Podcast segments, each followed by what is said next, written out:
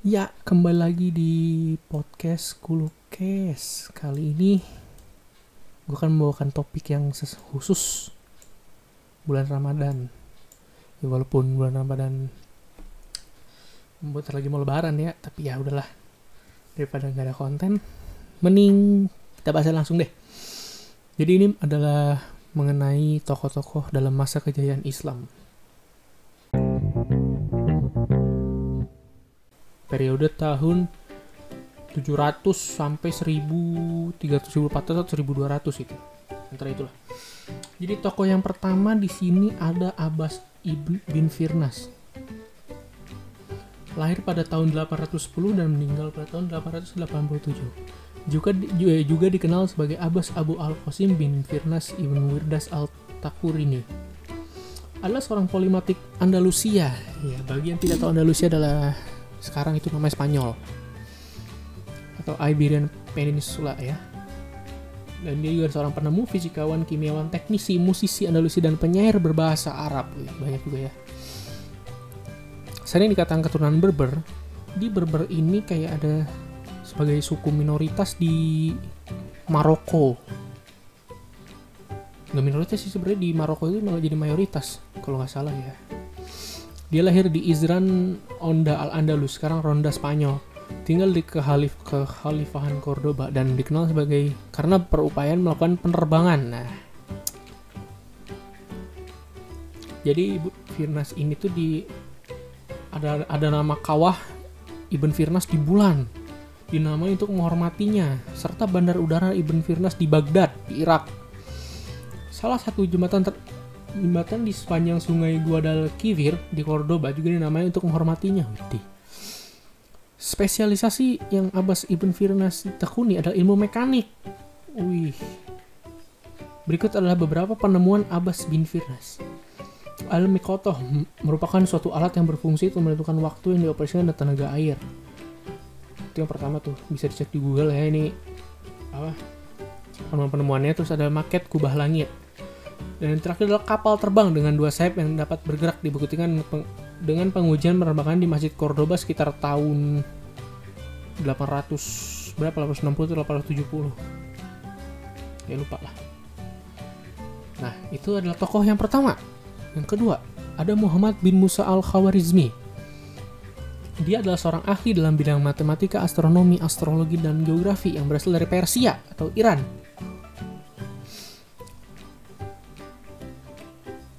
Sebentar nih, kok gini skripnya deh. Lahir sekitar tahun 780 di di Khwarizm, sekarang Khiva atau Uzbekistan, ya dekat-dekat lah Iran Uzbekistan. Dan wafat sekitar tahun 850 di Baghdad, di Irak. Hampir sepanjang hidupnya, ia bekerja sebagai dosen di sekolah kehormatan di Baghdad yang didirikan oleh Khalifah Bani Abbasiyah Al-Ma'mun tempat ia belajar ilmu alam dan matematik termasuk mempelajari terjemahan manuskrip Sanskerta dan Yunani. Di buku pertamanya, Aljabar, dia itu adalah buku pertama yang membahas solusi sistematik dari linear dan notasi kuadrat. Buh. Pelajaran SMA nih. Sehingga ia disebut sebagai Bapak Aljabar. Al-Khawarizmi juga berperan penting dalam memperkenalkan angka Arab melalui karya kitab Al-Jam'a wal Tafriq bi Hisab Al-Hind yang kelak diadopsi sebagai angka dasar yang dipakai di berbagai bahasa serta kemudian diperkenalkan dalam sistem penomoran posisi desimal di dunia barat pada abad ke-12. Ia merevisi dan menyesuaikan geografi Ptolemeus sebaik mengerjakan tulisan-tulisan tentang astronomi dan astrologi.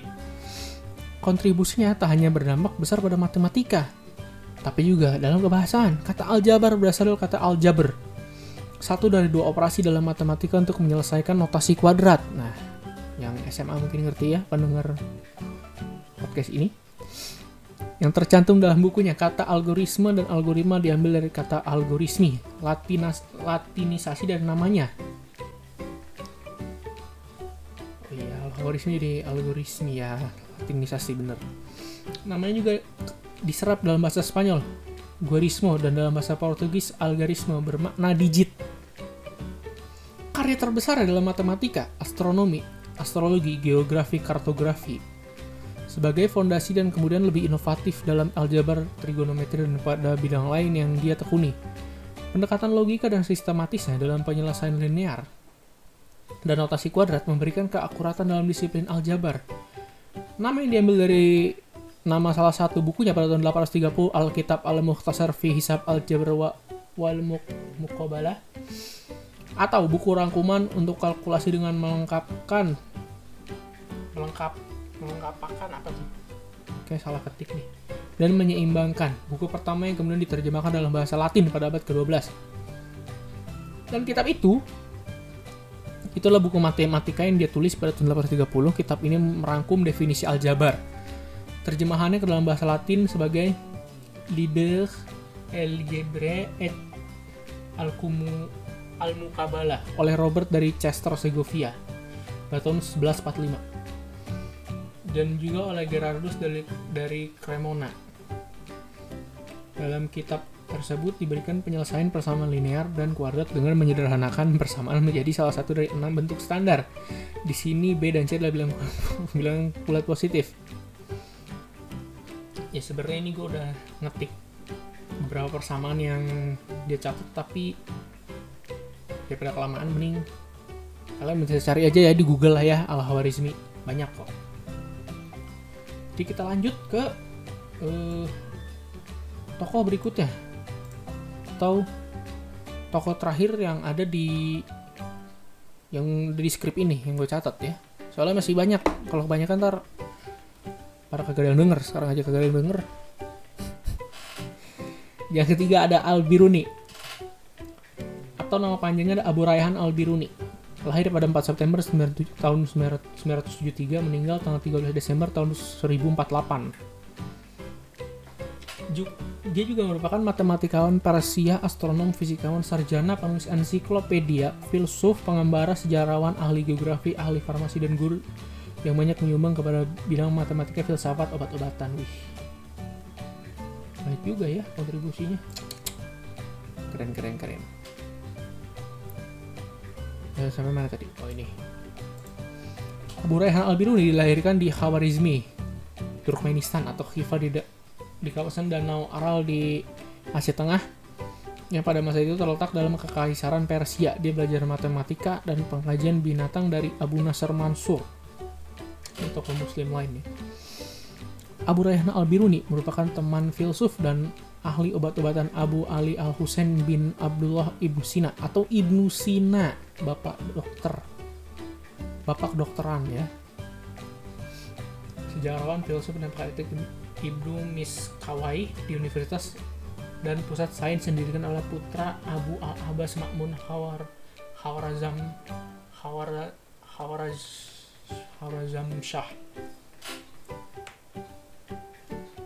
Abu Rayhan al-Biruni juga mengembara di, ke India dengan Mahmud dari Ghazni dan menemani dia dalam keten, ketentaraannya di sana, mempelajari bahasa, falsafah, dan agama mereka. Dan menulis buku mengenainya. Dia juga menguasai beberapa bahasa, di antara bahasa Yunani, bahasa Suriah, dan bahasa Berber. Al-Biruni menulis banyak buku dalam bahasa Persia. Bahasa sendiri ya bahasa dia dilahirkan, dan bahasa Arab. Berikut karya-karya Al-Biruni adalah ketika berusia 17 tahun dia meneliti garis bintang khas Khawarizm dan menggunakan altitude maksimal matahari. Uh, garis lintang umur 17 tahun. Keren keren. Ketika berusia 22 tahun dia menulis beberapa hasil kerja ringkas termasuk kajian proyeksi peta kartografi yang termasuk metodologi untuk membuat proyeksi belahan bumi pada bidang datar ketika berusia 27 tahun dia telah menulis buku berjudul kronologi yang merujuk kepada hasil kerja lain yang dihasilkan oleh dia. Ini maksudnya apa nih? Gue lupa masukin gini termasuk sebuah buku tentang astrolab sebuah buku tentang sistem desimal, 4 buku tentang pengkajian bintang, dan dua buku tentang sejarah. Dia membuat penelitian mengenai jari-jari bumi senilai 6.339,6 km. Hasil ini diulang di barat pada abad ke-16. Jadi sebenarnya dia duluan yang nyatat, lalu di di dunia barat baru dicatat ulang pada abad ke-16 tahun 1500 ya.